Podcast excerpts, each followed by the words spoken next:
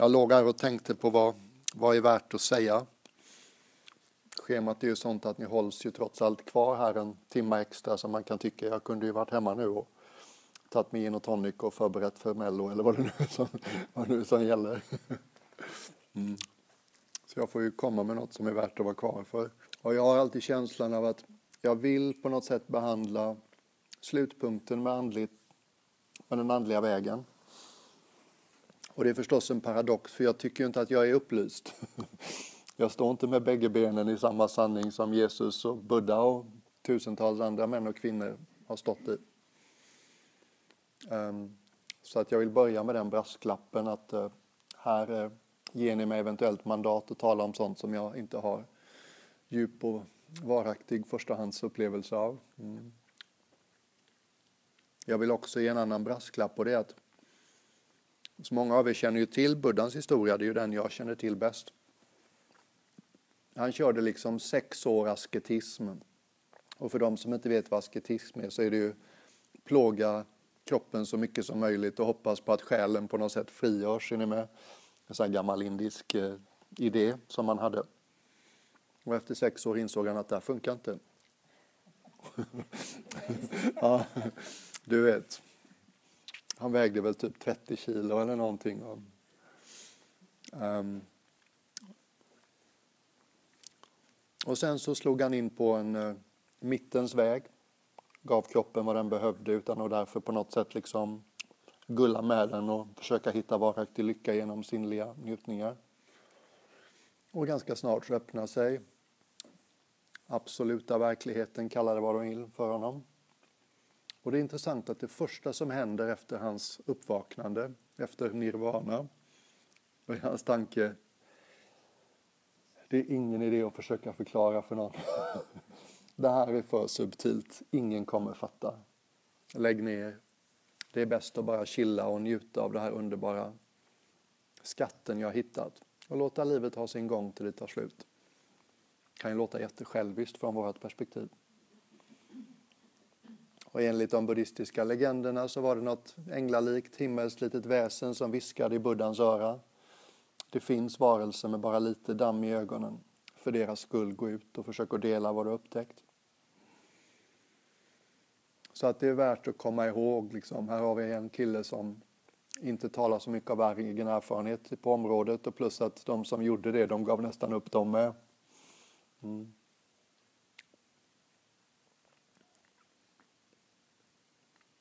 Men jag fastnade lite för det här med Truman Show och Matrix. Jag går igång på populärkultur av någon anledning. Om man tänker sig liksom The Truman Show, de som inte har sett den så handlar det om en kille som lever i en ganska skyddad värld och upptäcker så småningom att hans liv är en dokusåpa. Och alla andra människorna i hans liv, de är skåde, betalda skådespelare. Han är den enda som inte vet, för han är liksom huvudpersonen i dokusåpan. Och det, jag tycker om filmen. Han är förstås en väldigt tvådimensionell, liksom nästan seriefigursaktig figur i filmen. Jim Carrey som jag tycker mycket om. Och just den här processen han sakta men säkert börjar inse att saker och ting förhåller sig inte som jag tror. Det är något skumt med min värld. Såna här goa scener där hans fru ska pigga upp honom och laga lite varm choklad åt honom och så säger hon ungefär och nu ska jag laga eh, det är både märkets, den och den kakaon som finns i den och den affären och kostar det och det denna veckan. Han liksom, vad fan håller hon på med? Han inser liksom inte att det är produktplacering och reklam som det betalas miljontals dollar för. Han liksom börjar lägga märke till att bilarna är på en loop i hans villakvarter. Så samma bilar i samma ordning dyper upp med regelbundet återkommande. Och jag tror just den känslan av att gisses, det är något väldigt väsentligt jag har fått om bakfoten. det är ofta en del av den andliga impulsen. Det är någonting som bara skaver, som inte stämmer. Liksom. Det är något jag inte fattar som borde vara uppenbart för mig. Och om man fortsätter på populärvetenskaplig grund, liksom, titta på en genomsnittlig thriller eller inte alla, men många är uppbyggda på det här sättet att Okej, okay, det finns en läcka i systemet. Hur kommer det sig att fienden vet våra handlingar långt innan de borde? Oj, de visste om det här i förväg. Det betyder att läckan finns på väldigt central nivå. Och sen händer något mer och så, oj då, läckan måste finnas i ledningsgruppen. Det är bara de som visste om det här i förväg. Så man, liksom, man börjar misstänka att någonting inte är som det ska. Och man kommer närmare och närmare centrum när man ska försöka hitta vad är det som är snett. Liksom. Och jag skulle vilja säga att ett lite överförenklat sätt att tala om vad som är den stora gemensamma upptäckten liksom, och riktningen i vilket de största skatterna i ett människoliv finns. Det är liksom, vi söker så här och så upptäcker vi det här. Mm. Det är som att alla de riktigt stora skatterna på den andliga vägen, de uppstår när vi börjar bli intresserade av vem är jag? inte personen på meritförteckningen, inte könet, inte högskolekvalifikationerna, inte den personliga historien, inte temperamentet. Jag talar om mina tankar och mina känslor. Okej, okay, ingen förnekar att det finns känslor och tankar. Men vem är den där tänkta ägaren? När jag säger mina känslor, ja visst känslor, absolut. Men vem eh, är ägaren? är ni med? Det är som att vända allting 180 grader mot riktningen vi alltid vänder oss i.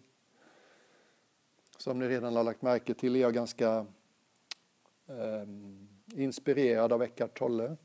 De av er som känner till honom, ni vet säkert också att hans uppvaknande, det skedde liksom Ja, det skedde så här.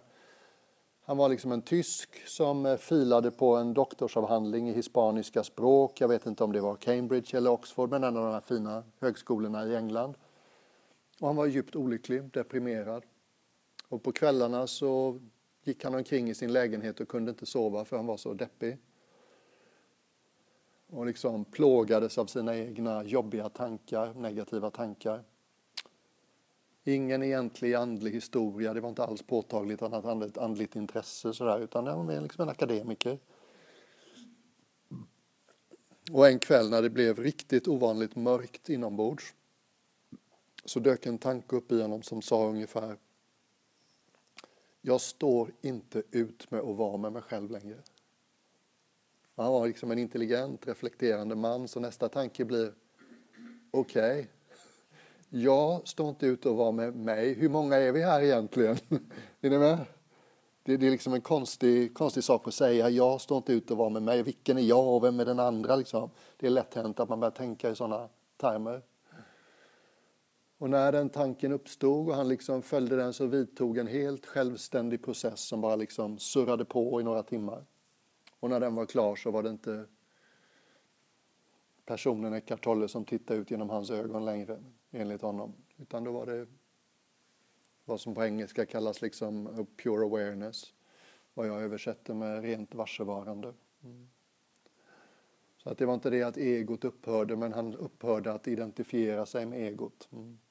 Han fattar fortfarande att när någon skriker Eckart, då är det jag som ska vända mig om. Han fattar fortfarande att när det står mat framför mig på tallriken så är det den här munnen jag ska stoppa det, inte den. Liksom. Det finns ett funktionellt ego, en liksom jag-centrering. Men det finns inte längre den olyckliga tendensen att tro på alla våra tankar. Inte längre den olyckliga tendensen att tro att alla våra känslor är sanna. Han beskrev det efteråt i en intervju som att det var som att 80 procent av mina tankar försvann så snabbt. Är ni med? Tänk er att tänka en femtedel av tankarna du tänker idag. Hur skulle det se ut? Ja, ja eller hur?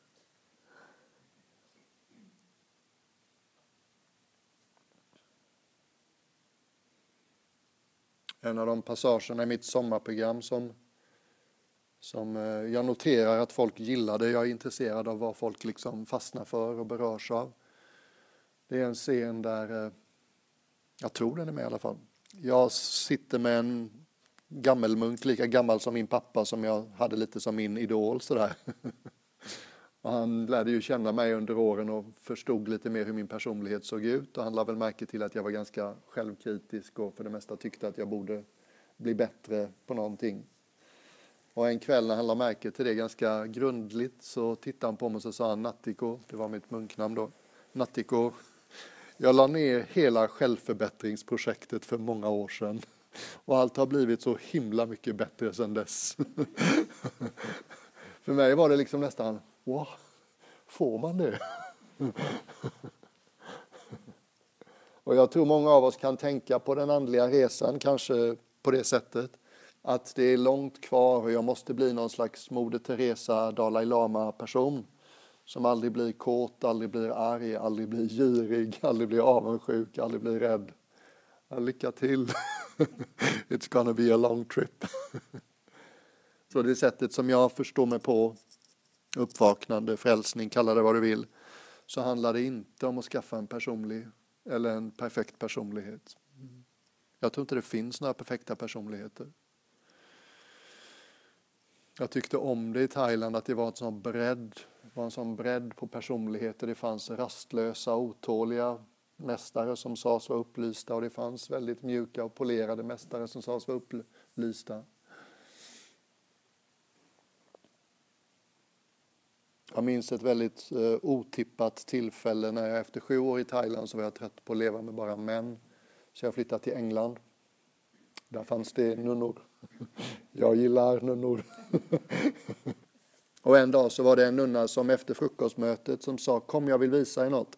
Och så var vi sju, åtta munkar och nunnor som samlades runt en laptop i frukostrummet. Det var väldigt ovanligt att någon plockade fram en laptop liksom och hittade en eh, video på Youtube. Och då var det ett tal på thailändska av den kanske största legenden under 1900-talet i Thailand, Ajahn Mahabua. Han höll ett tal och eh, han började prata om sitt uppvaknande, säga att videon spelades in mitten, sent 90-tal. Och han pratade om sitt uppvaknande som skedde typ 1952 eller något sånt där. Det är liksom över 40 år gammalt minne. Och han sitter där och blir lite mer liksom, eh, Eh, hans kroppsspråk blir mer högljutt än vad man är van vid att se munkar och nunnor i Thailand. De förväntas liksom hålla igen ganska mycket. Och när han börjar prata om sitt uppvaknande så blir han så uppfylld och berörd så han liksom börjar hulka och gråta ordentligt. Han snorar. Det är liksom väldigt påtagligt. Den här mannen är, du vet, så berörd så han har tappat all kontroll. Och det är så coolt, för mitt i det här, jag vet precis, asiaterna liksom, de gillar ju sina andliga mästare som väldigt jämnmod liksom. Det, det värderas högt i Asien. Någon som är jämnmodig. Det finns någon kinesisk bild av det upplysta sinnet liksom som ett ohugget trästycke. Jag kan tycka, vem fan vill vara som ett ohugget trästycke? Men hur som helst, bara för att liksom ge historien sin fulla, fulla eh, perspektiv. Vi befinner oss då i en kultur där man värdesätter jämnmod, eh, inga stora känslofluktuationer och här sitter landets mest hyllade andliga förebild och liksom hulkar och snorar och sprutgråter medan han berättar om sitt uppvaknande som skedde för 40 år sedan. Och mitt i det här liksom lite lätt kaotiska så säger han och jag vet vad ni sitter och tänker nu. Ni sitter och tänker att någon som ska vara upplyst, de kan väl inte sitta och gråta på det där sättet. Det kan väl ingen upplyst göra. Och det ska jag säga att det kan man visst det. Det är nämligen så, det är nämligen så att det som är upplyst, det är fullständigt orubbligt närvarande och inte på något sätt påverkat av den här starka känsloyttringen. Känsloyttringen handlar bara om personligheten. Personligheter är betingade, präglade fenomen. De gör som de gör. Det var så coolt liksom att han mitt i den här känslomässiga intensiteten så pratade han om bägge från bägge. Det var så coolt. Jag tänkte wow, det där luktar frihet. Det där luktar frihet på riktigt. Tänk att bara låta alla känslorna få vara som de är, låta det komma. Och samtidigt finns det någonting som är lika bergfast och orubbligt som, jag vet inte vad, Eiffeltornet. Liksom. Som bara står fast och är helt svajar inte på något vis. Och jag då som är ganska känslosam och ganska eldig person och det går åt både entusiasm och kärlek men det kan också gå åt vrede liksom och lättstötthet.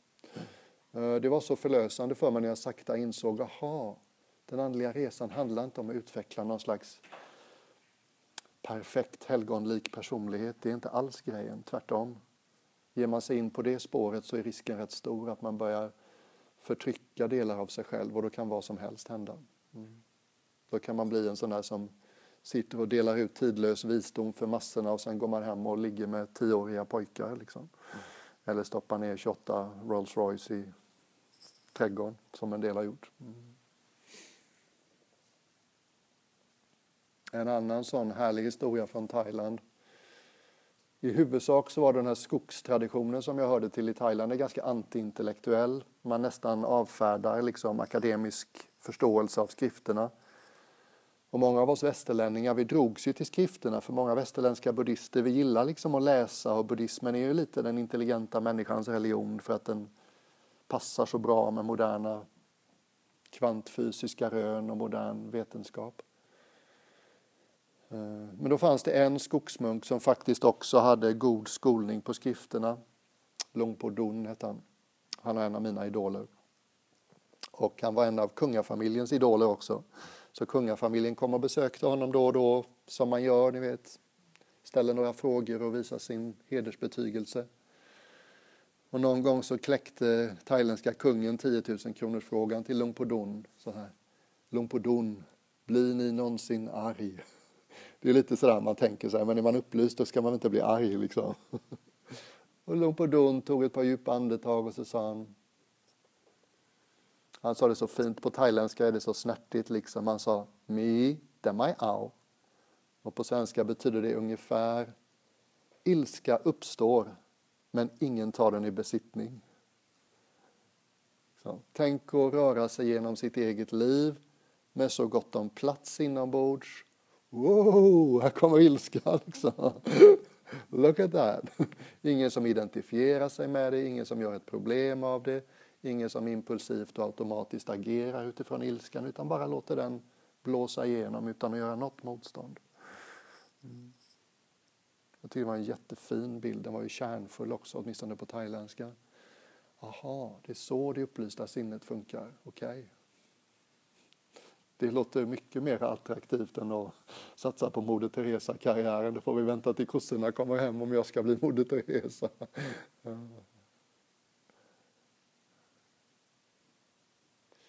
Och det tycks ju liksom, det är ju lite tråkiga nyheter eller lite jobbigt att bli påmind om, men det tycks som att den graden av släppa taget om ego som krävs är inget som vi människor gör lätt och ledigt när som helst utan speciellt mycket uppmuntran. Utan för de flesta av oss tycks det krävas en livskris innan vi blir så ödmjuka, så desperata, så liksom villiga att släppa taget. Mm. Synd. Kunde det inte vara lika lätt som att köpa en stor starköl i Lidköping lördag kväll liksom? Det finns en jättefin amerikansk lärare som jag vet att en del av er följer, Byron Katie, känner ni igen det? Och många av er känner till historien och jag kan den inte i alla aspekter men så vitt jag vet så var hon en ganska jobbig mamma. En ganska driven amerikansk fastighetsmäklare på västkusten. Ganska kolerisk och neurotisk och hennes barn tyckte hon var asjobbig. Jag tror hennes man lämnade henne, jag tror hennes barn sa du får bo någon annanstans, du är för jobbig och med hennes sjukförsäkring när hon hade någon slags eh, närmast ett nervöst sammanbrott. Så det enda som försäkringsbolaget kunde erbjuda det var typ ett sån här liten en husvagn i en husvagnspark för kvinnor med ätstörningar. Det var det bästa de kunde hjälpa henne med. Och hon hade en sån sträng inre röst, hon var så hård mot sig själv. Så att rätt ofta på kvällarna bestämde hon att hon förtjänade inte att sova i sängen i sin husvagn den natten. För hon hade liksom inte riktigt varit som hon tyckte att hon borde vara den dagen. Bara det är ju liksom så läskigt och hemskt att man kan vara så sträng mot sig själv. Och det hade varit en sån natt. Och det här är en intressant uppvaknande för att det finns liksom inte så mycket content i det. Det kanske finns om man djupintervjuar henne men jag har inte stött på det när jag läst om det. Utan när man läser om det så beskriver hon det som att hon går liksom till sängs med ett djupt självhat förstås jag får sova på den här skitiga heltäckningsmattan ikväll för jag förtjänar inte att sova i sängen. Och när hon vaknar så öppnar hon ögonen på morgonen och det första hon ser är en kackerlacka som kryper på heltäckningsmattan. Och det här är det vackraste hon någonsin har sett. och samma sak där. Det var inte längre min historiska personlighet som tittade ut genom mina ögon. Det var rent varsevarande, pure awareness. Mm. Och jag fattar att för dig, liksom för mig, så kanske det bara är ord. Mm. Och det är svårt att föreställa sig det. Men det är nog tyvärr så, det är lite som kosmos storlek. Våra konceptuella verktyg är inte byggda för att förstå det. Det där kommer, den här biten, den här biten av oss är den sista som kommer förstå det. Det första är förmodligen kroppen och det andra är förmodligen känslocentret och den sista den här biten.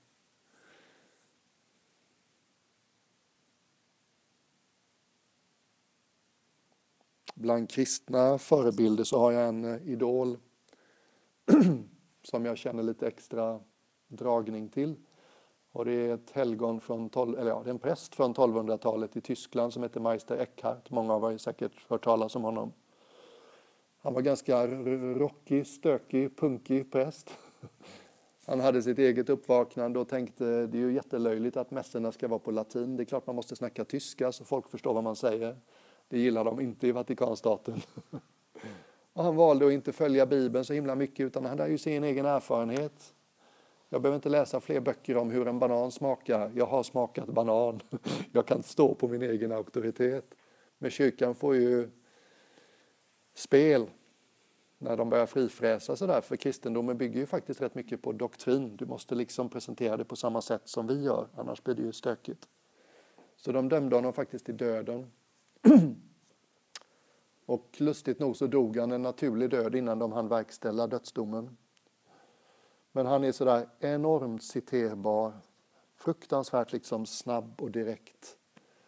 Och då var det något tillfälle som jag älskar att läsa om, där någon församlingsmedlem en söndag, gissar jag att det var, i kyrkan sa Jag vill också känna Gud. Hur gör jag? liksom. Och han hade svarat så här. Allt du behöver göra för att känna Gud, det är att förstå vem som tittar ut genom dina ögon.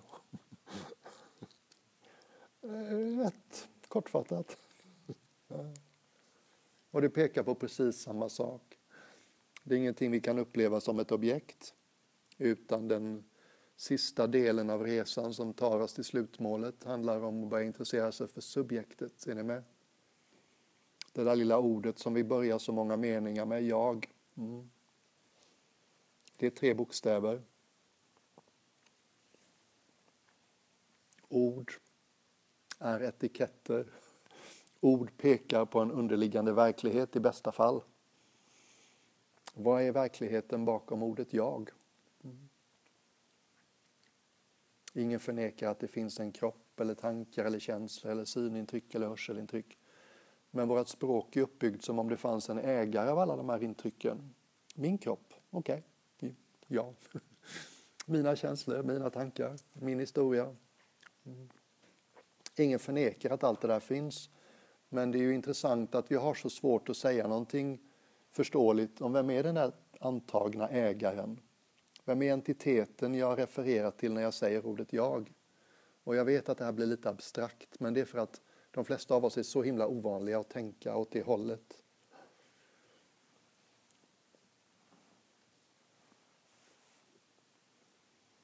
Jag vet inte om det är relevant, men min förståelse av kristendom den har kommit långt senare och den kom genom buddhismen såklart. Och jag vet ju inte om det var så, men jag tänker mig att när Jesus hängde på korset så, så ser jag det som en av de mest majestätiska exemplen på förtvivlan. Jag har svårt att tänka mig något mer förtvivlat tillstånd. Han har liksom satsat åratal på att försöka dela med sig av upptäckten han gjorde. Han är förrådd av Judas. Han är övergiven av nästan alla de som han trodde var på hans sida och som han trodde hade fattat grejen. Och han behandlas som en vanlig brottsling och spikas upp på ett vidrigt tortyrinstrument.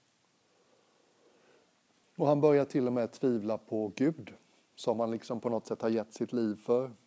Och enligt skrifterna då så säger han någonting i stil med min Gud, min Gud, varför har du övergivit mig? Det är svårt att tänka sig någon mer desperat eh, bild, tycker jag. Och i min lilla värld så skulle jag säga att ja, där fastnade han i ego. Mm. Och sen är det någonting i honom som släpper taget. Och genom att släppa det lilla så öppnar sig det mycket större. Och enligt skrifterna så rätt snart efter det så ska han ha sagt någonting i stil med Ske din vilja, inte min. Mm. Så så tycks det vara. Liksom. De flesta av oss håller rätt hårt om den där egoidentiteten. Men det tycks som att vägen till liksom, det högsta priset, den dyrbaraste skatten i ett människoliv, den går ingen annanstans än just genom att släppa taget om det som vi håller hårdast om. Mm.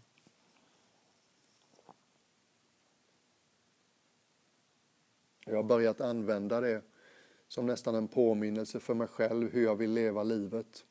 Nu spårar jag lite ur på ämnet här men nästan alltid när jag känner att jag inte riktigt är i balans med tillvaron så är det som att någonting i mig håller lite för hårt om någonting. Den här Dyashanti, läraren som jag följer och den här kvinnan som jag berättade om i eftermiddags, hans lärarinna, som var den här hemmafrun i Kalifornien. Väldigt ofta när han gick på sin veckointervju med henne så liksom sa hon Too much like this, not enough like this. ja. Så jag tänker inte göra liksom en ideologi av det, men för mig har det blivit en inspirerande påminnelse. När livet känns tungt, när jag känns tight, när jag inte har någon glädje, när det inte finns någon lätthet i min tillvaro, så finns det kanske någonting jag skulle kunna lätta greppet kring. Mm. Det är som att den, den totalt oupplysta positionen, då är det hela tiden så att vi skjuter bort allt vi inte gillar och drar till oss det vi gillar.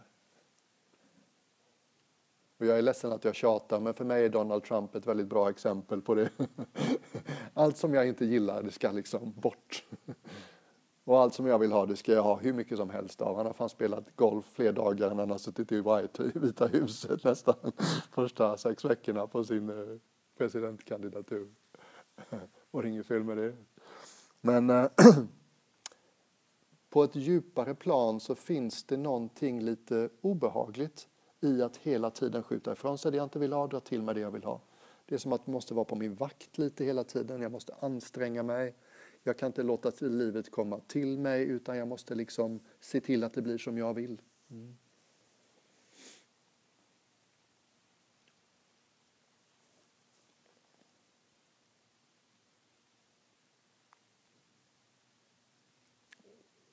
Det finns en väldigt stökig fanns en väldigt stökig och underbar indisk mästare. Han hade ett litet cigarett, cigarettsäljarimperium. 8-10 säljare som körde runt i Bombay med sina små vagnar och sålde hans hemmarullade cigaretter. Ni vet de här stökiga indiska billigaste cigaretterna, det är bara ett tobaksblad. Så knyter man en sytråd runt liksom och så när man röker det så får man massa glöd som ramlar ner och gör hål på kläderna. Och som bara händer i Indien, han träffar sin guru. och han var väl liksom en renhjärtad person men han hade inte visat något större andligt intresse tidigare i livet. Och hans guru sa någonting i stil med Du är den orubbliga, absoluta verkligheten. Okej. Okay. Varje ledigt tillfälle, vila i Jag är. är ni med? Det är ungefär det vi försökte göra i eftermiddags. Vila i Jag är. Ja. Och som eh, den eh, oskyldiga själ han var så någonting liksom flög i honom, han blev inspirerad. Så i tre, fyra års tid, varje ledigt ögonblick när han inte behövdes för sin familj eller sitt jobb, så vilade han så gott han kunde i jag är. Och efter tre, fyra år så öppnade sig den absoluta verkligheten för honom. Och han hade precis samma reaktion som Buddha. Ingen kommer fatta. Jag drar till Himalaya och chillar. Liksom. Och på vägen dit så träffade han någon som sa Hallå, Fatta hur sällsynt det är den här upptäckten. Det är ditt förbannade ansvar att försöka dela det här. Även om du misslyckas nio gånger av tio. Okej okay då. Så han byggde en liten våning till. Han bodde jättefattigt i Red Light District i Bombay. Ett här prostitutionskvarter med sin familj. Och det var mest västerlänningar som drogs till honom för han erbjöd inte så mycket, ni vet, ritual och sånt där som indierna tycker om. Han var rastlös, han var otålig, han kunde vara direkt oschysst. Någon amerikansk intelligent man som var där, det här är då sent 60, tidigt 70-tal. Steven Wolinski tror han hette. Kom dit rätt många dagar i rad och säger att han hade kommit dit måndag till fredag, så på fredag när han är där då Så säger mästaren, vilken dag i ordningen är det som du kommer nu? Ja, det är sjätte dagen i rad. Och då säger mästaren, försvinn, har du inte fattat det på sex dagar kommer du aldrig fatta det, jag vill aldrig se dig igen. Det här är liksom en jätteintelligent amerikan. Och på något sätt blir jag lite tröstad av att okej, okay, kan man vara upplyst och, och vara så otrevlig? och det mest kända citatet som han har kläckt ur sig, det är översatt från Maharashtra, liksom hans Bombay-språk. Och översättningen är ungefär um, Visdomen säger mig att jag är ingenting. Kärleken säger mig att jag är allt. Mellan de två flyter mitt liv. Och jag tycker om det eller det lilla citatet väldigt mycket för att just det, visdomen gör att vi riktar uppmärksamheten inåt och börjar undersöka det här med jag, hur hänger det ihop egentligen? När vi får den där eh, Truman Show-känslan. Och så kommer den här upptäckten som kan göra att man blir väldigt rädd, som du talar om. Va? Ja, det är stilla. och jag försöker vända mig mot vad jag tror är ett varaktigt, solitt, påtagligt jag där inne, för det måste ju finnas, för jag har ju börjat hälften av alla meningar med hela mitt liv. Och så upptäcker vi att någonting sånt finns inte där. Och det är läskigt och vi upptäcker någonting annat förhoppningsvis, så det kan vara underbart också. Men nästa steg i raketen är ju att okej, okay, det finns ingen entitet här inne att försvara längre. Varför ska jag bygga upp barriärer mellan mig och andra? Varför ska jag fortsätta och vidmakthålla den här separationen mellan dig och mig? När den försvinner, liksom, då uppstår kärlek. Det blir helt, ja, men, ja där är du liksom. Ditt välmående det är ju viktigt för mig på samma sätt som mitt är. Varför skulle ditt inte vara viktigt och mitt vara viktigt? Om jag inte längre har en stark känsla av att jag har ett jag här som går omkring och äger allt jag tycker är jag. Så att om man tycker att den här första biten jag pratat om ikväll låter lite kall och hård, mm, intellektuell till och med, så vill jag liksom poängtera den andra biten också. Att ett sant uppvaknande har alltid det här elementet om att förstå sig på vad ordet jag pekar på, eller inte pekar på. Och när vi upptäcker det så faller mycket av separationen mellan mig och andra bort. Och ett väldigt icke-romantiskt men realistiskt ord att tala om kärlek, det är icke-separation. Det här vet varenda förälder. Chocken när man får sitt första barn och man inser att herregud, här finns en människa som är viktigare för mig än jag. Det har aldrig hänt förut. Ja. Och det är så självklart så ni kanske inte ens tänker på det, de av er som har varit småbarnsföräldrar eller är det. Men det tycker jag det är en ganska handfast, eh, pålitlig definition av kärlek. Mm. Icke-separation. Mm. Jag känner mig inte åtskild från det här, alltså bryr jag mig om det. Mm. Och sen kan ju den kärleken ta sig massa olika uttryck beroende på temperament och kultur och hej och mm.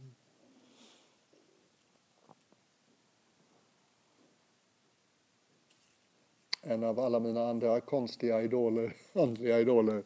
Det var en stökig engelsman. Honom skulle ni läsa, Douglas Harding hette han. Um, han var väldigt visuell. Hans uppvaknande var helt visuellt, helt ointellektuellt. Han gick i eh, Himalaya med sin soldatgrupp, engelska soldater på sent 40-tal. Och hela tiden så var den här frågan som han jobbade med då. Vad eller vem är jag? Han gick liksom och bara vände uppmärksamheten inåt igen och igen. Och han var arkitekt, eller blev arkitekt så småningom och var väldigt visuell. Och när han beskriver sitt uppvaknande så säger han i det ögonblicket som uppvaknandet skedde så var det som att huvudet ramlade av. och där jag tidigare hade ett huvud så hade jag nu bara ett öppet visuellt varsevarande. Är ni med? Från den subjektiva positionen så känner ju inte jag att här sitter liksom en tung köttig liten klump med två små hål som jag tittar ut igenom. Nej, så känns det inte. Det känns som ett elliptiskt liksom visuellt fält där jag kan se allting. Är ni med mig? Det jag fattar att det är mycket att ta in och jag har inte riktigt fattat det själv heller. Men det är liksom att gå från den objektiva till den subjektiva positionen. Mm. Det jag vet om det som finns här är att det känns som att det finns inget huvud här uppe, en köttig liten klump med små hål som jag tittar ut igenom. Så känns det inte. Det känns som att ett stort öppet fält, liksom visuellt fält. Mm. Och när han då försökte hitta då sätt att hjälpa folk till uppvaknanden så använde han ju det visuella och struntade i att sätta för mycket ord på det. Så då hade vi en dansk munk i England som jag tyckte mycket om som vi satt liksom och hängde i köket efter testunden en kväll. Och så sa han, jag vill visa dig en grej som jag har lärt mig, liksom. ett litet knep för nirvana. nirvana på en minut. och så, så sa han, hoppa upp här och sätt dig bredvid mig på köksbordet. Ja, han satt ju där. Och så sa han, gör som jag nu. Och så, så tog han fram pekfingret och så, ja, tak, vägg, golv, kvinna, mobil, collegeskjorta.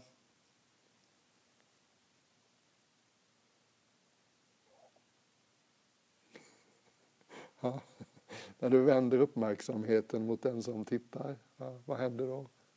Vad kan vi säga om det? Ja. Vad händer när vi följer pekfingrets riktning?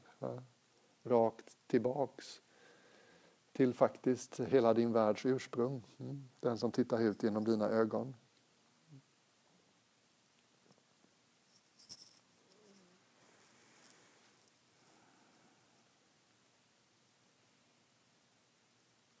Och jag vet inte hur mycket det här betyder för er, men jag skulle säga att det är en grymt fin hjälp på resan om man är andligt intresserad och får den pusselbiten klart för sig. För det finns tusen stickspår. Handlar det inte om att bli återfödd som ängel? Handlar det inte om parapsykologiska krafter? Kan man bli, tibetanerna kan ofta falla in i missförståndet kan man bli upplyst utan att komma ihåg minst 500 tidigare liv? ja. Kan man bli upplyst utan att för alltid göra sig av med alla oupplysta känslor? ja. Kan man vara upplyst och fortfarande bli irriterad eller kåt? Ja. Så det blir så mycket klarare när man har förstått den här pusselbiten och jag, jag känner att jag är ganska trygg med just den. Så den vill jag gärna, hoppas jag att några av er tar med er. Det är svårt att tänka på för det är lite sådär som jag sa i någon meditation, det är som att försöka se sina egna ögon utan hjälp av en spegel. Liksom det är en ovanlig riktning. Och, absolut. Men bara som en intellektuell pusselbit skulle jag säga att det är rätt värdefullt där med. Mm.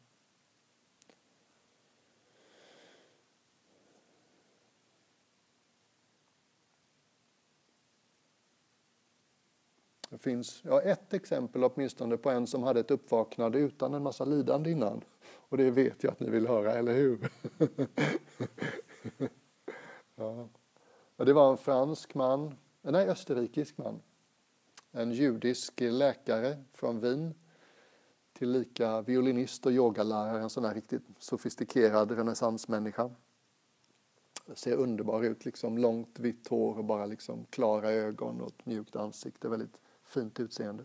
Han blev aldrig speciellt stor för han var helt ointresserad av att bli stor. Men någon gång stötte jag på en beskrivning av hans uppvaknande och det var ungefär att han satt på en tågstation ute på landet i Frankrike. Han hade mediterat och gjort yoga så han var liksom ganska, vad ska vi säga, enlightenment waiting to, waiting to happen. Och helt spontant, han satt där och väntade på ett tåg utan någon brådska, det var ingen annan på stationen. Han var i 25-årsåldern. Och så helt plötsligt så bara lyfter någonting som man inte riktigt förstår vad det är. Och allting återfår sin magi liksom. Lukterna blir tydligare, färgerna blir vackrare, synintrycken blir vackrare. Han kände sin kropp på ett mer förfinat sätt. Och den här känslan av separation mellan mig och världen omkring mig, den lyfte och kom aldrig tillbaks. Så det kan vara gott att komma ihåg det, det kan ske ganska spontant också. Och någon gång fick han frågan, men jag vet att det är svårt och ingen lyckas fastän ni alla försöker, men kan du på något sätt försöka förmedla någonting från det upplysta tillståndet? Liksom? Ge mig någonting. Och så sa han, ja, det är svårt att tala om. Men en sak lägger jag märke till. Oavsett vad som händer i mitt liv så tycks det som att allting sker mot en bakgrund av lågmäld glädje som inte övergår i sin motsats. Är inte det typ bästa reklamkampanjen för upplysning jag någonsin har stött på? Okej, okay, en lågmäld glädje som inte går över i sin motsats. I'm game. Give me some.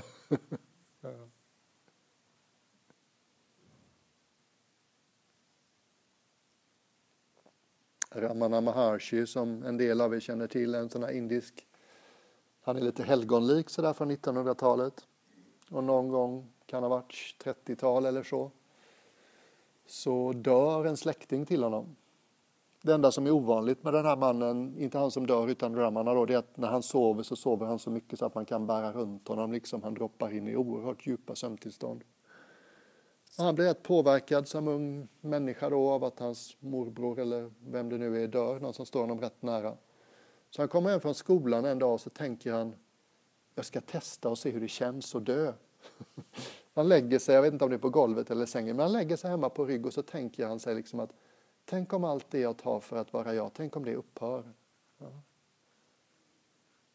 Och det är hans uppvaknande. Det är samma sak där. Han liksom tänker sig att hans tankar upphör, han tänker sig att hans känsloliv, att hans till och med fysiska impulser eller fysiska förnimmelser upphör. Och då upptäcker han det som inte dör när vi dör. Mm. Adyashanti nu i somras eh, på kvällarna, det var typ 300 pers samlas på ett stort hotell i Holland. En guidad meditation och ett föredrag på förmiddagen, tyst meditation tillsammans på eftermiddagen, tre pass.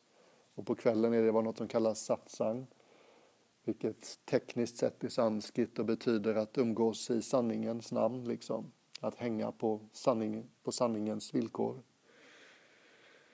Och det var någon som ställde någon fråga om döden. Normalt sett var det jättehög nivå på det. Folk stod inte och skröt, vilket lätt hänt liksom när man ska fråga läraren om något. Men folk var väldigt sådär moget vuxet, moget andligt gäng. Och någon frågade någon fråga om döden och då sa han, ja, alltså, jag är inte död än så jag kan inte ge alla detaljerna av vad som händer när vi dör. Men en sak är jag alldeles säker på.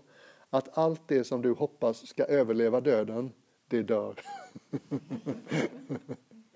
Någonting överlever och det är din och min uppgift att ta reda på innan vi dör vad det är. Och döden är förstås ett ypperligt tillfälle att göra det. Men har vi vant oss vid hela livet och bara automatiskt följer alla tankar och känslor så är chansen rätt liten att vi hittar den nödvändiga distansen i dödsögonblicket. Jag tyckte den var så snygg och kort och koncis. Okej, okay, du vill prata om vad som överlever döden. Kort sagt, allt som du hoppas överlever, det dör. Men någonting överlever. Find out what.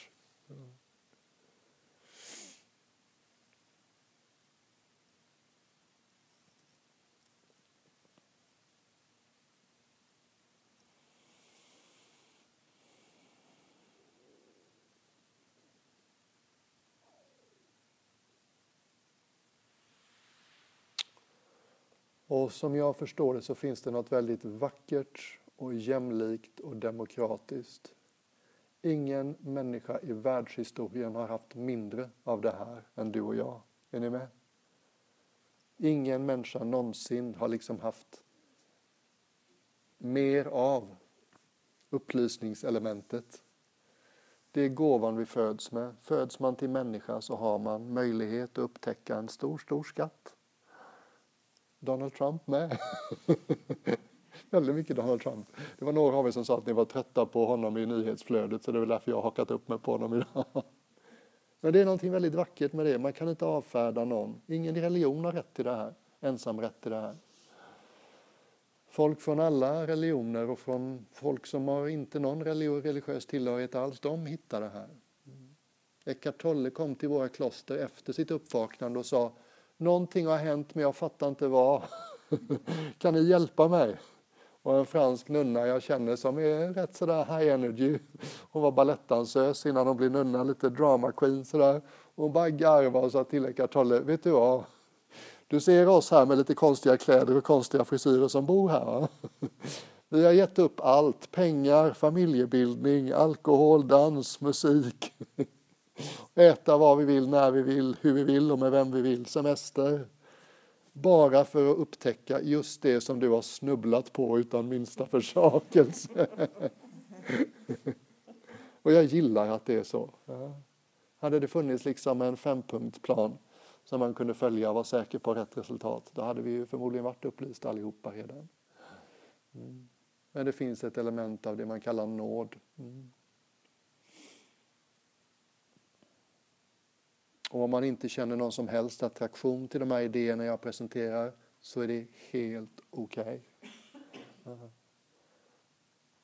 Jag växer i tillit till att vi alla har, ska vi säga, livet är en läroresa, att lektionerna ser ganska olika ut för oss. Mm. Men att vi alla får möjlighet att lära oss det vi behöver lära oss och lär vi oss det inte så får vi förnyade inlärningstillfällen.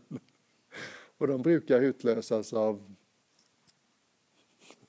svårighet. Det blir för jobbigt liksom att köra de gamla invanda systemen så man liksom blir ödmjuk och desperat tillräckligt för att prova någonting nytt. Mm.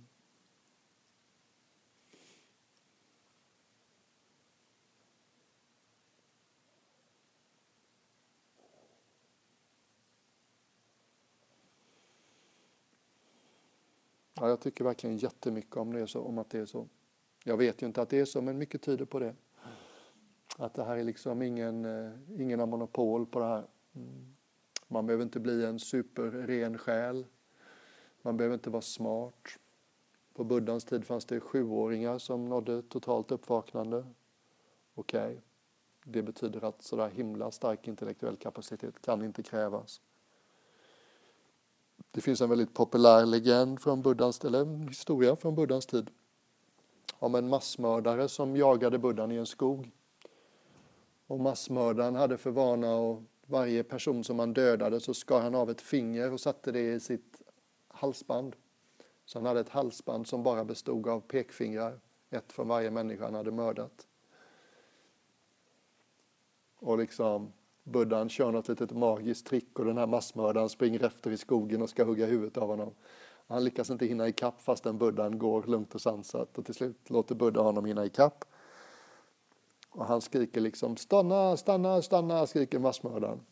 Och Buddhan vänder sig om lugnt och stillsamt och säger jag stannade för länge sedan. Är det inte dags att du också stoppar upp? Ja.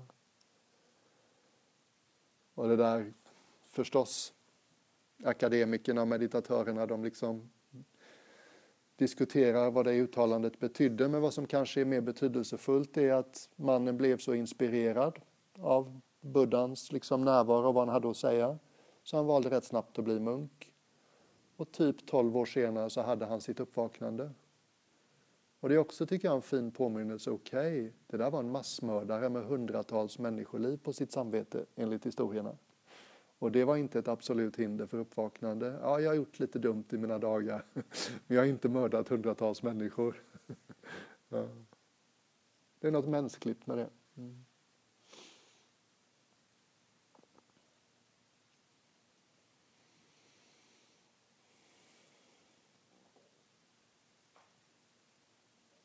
Jag hade tydligen väldigt mycket djupa saker att säga idag så får jag avsluta på en lättare ton. Jag tänker på det här som jag talar om, leva lite mer så, lite mindre så. Som jag sa innan så flyttade jag till England efter sju år i Thailand. Och det är klart att vi försökte vidmakthålla andan men i detaljerna så fick man ju ändå anpassa sig till en annan kultur som inte var lika beredd att stå i soluppgången med färdiglagad mat. ja. Men eh, under sommaren så vandrade vi ofta i små grupper eller ensamma för att liksom hålla spiriten igång. Och jag tror det var första sommaren som jag var ute på en sommarvandring med en ung munk. Han var mycket starkare och mera liksom gung-ho än vad jag var. Men tänk er då, man vandrar, man har inga pengar, man kan inte laga mat, man får inte be om mat, man får inte spara två bananer från igår utan allt efter måltiden är klar ger man bort det man har kvar och så börjar man om nästa dag. Man är fullständigt utlämnad till främlingars goda hjärtan. Det är nästan omöjligt att bli cynisk med den livsstilen för man blir dagligen påmind om att gisses, har främlingar gett mig mat idag igen liksom, utan att verka begära så mycket i motprestation. Men det är klart, nu var vi ute på vandring så det var ju mycket mer laddat. Så vi, hans mamma bodde på Isle of Wight, han växte upp på Isle of Wight så att vi hade ätit värsta full English breakfast dagen innan. Väldigt mycket mat. och sen vandrat hela eftermiddagen och en bit av kvällen, slagit läger, druckit te, sovit. Så packat ihop på morgonen, mediterat och så börjat gå mot närmsta lilla kustby på Isle of Wight. Kanske gick tre timmar till och ni kan tänka, nu är det liksom 20 timmar sedan man har ätit, man är väldigt intresserad av mat.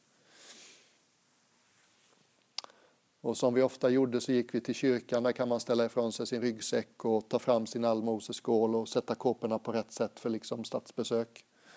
Ställer oss på High Street utanför Waitrose, lokala livsmedelsbutiken.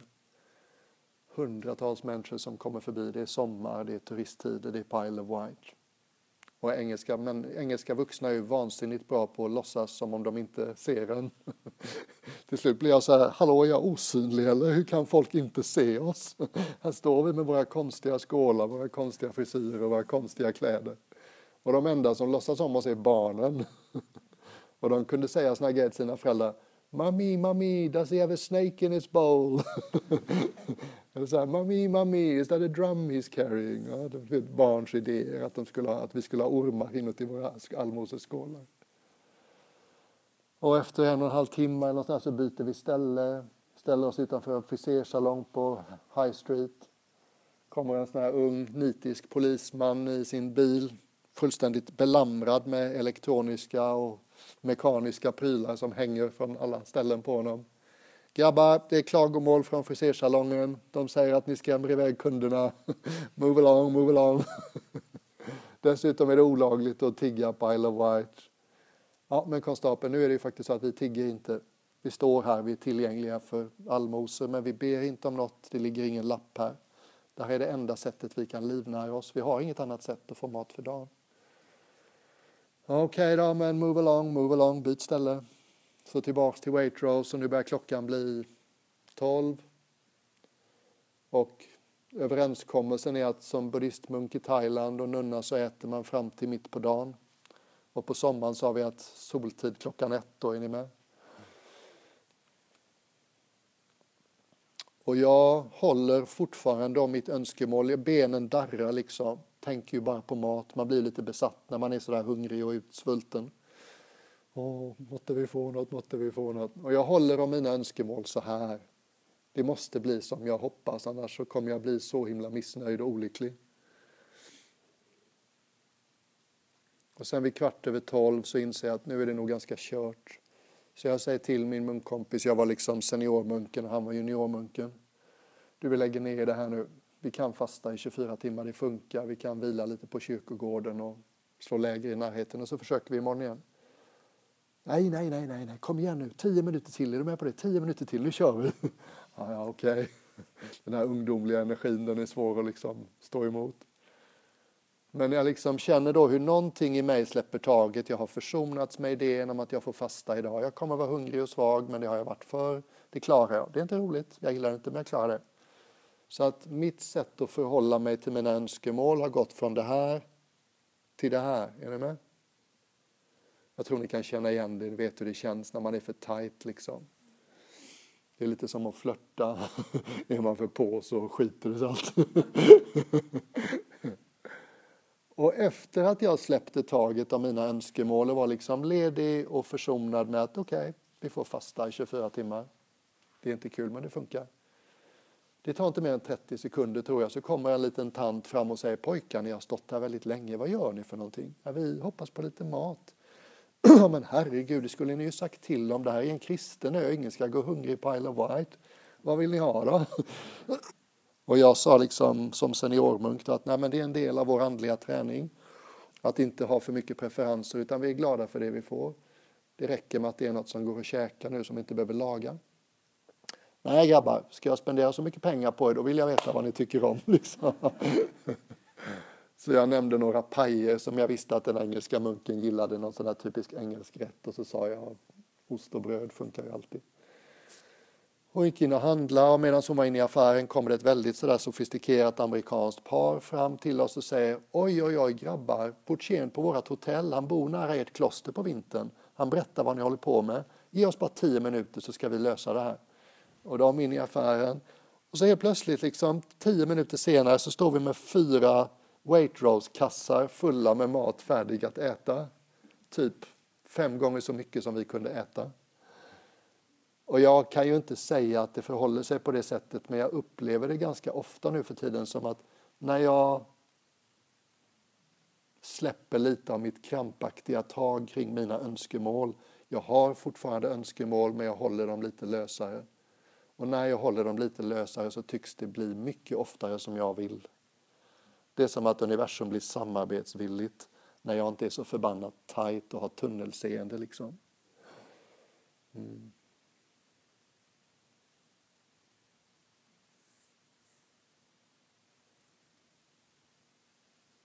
Och nu har jag sett det så himla många gånger på så många olika sätt.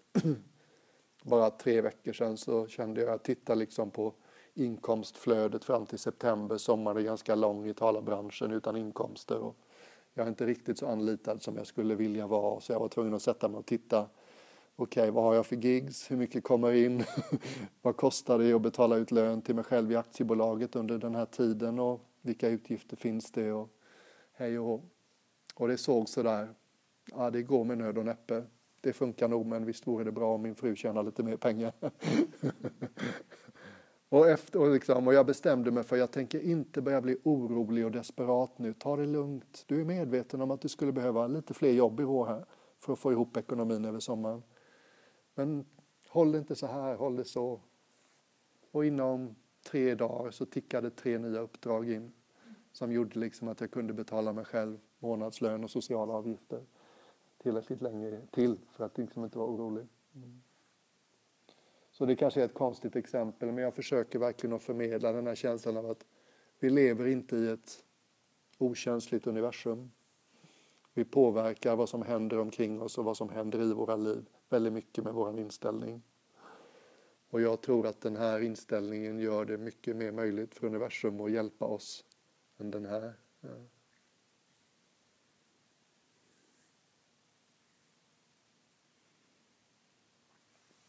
Finns avslutande citat, djupt citat från 1800-tals mystiker från England. Är ni med på det? William Blake, många av er känner till honom. Det var en av mina lärare som citerade den här korta dikten en gång. Och den går typ He who binds to himself a joy the winged life destroys. But he who kisses the joy as it flies, he lives in eternity's sunrise. Den som binder liksom glädjen till sig förstör det lilla bevingade livet. Ungefär som glädjen var vet jag, en fjäril eller en fågel. Men den som kysser glädjen medan den flyger förbi, han eller hon lever i evighetens soluppgång. Och jag tror vi alla vet hur det känns när vi kan liksom kyssa glädjen när den flyger förbi. Easy come, easy go. Och vi vet säkert, de flesta av oss, hur det känns när vi blir lite för tajta och vill liksom stanna, stanna, stanna. Det här måste vara. Ja.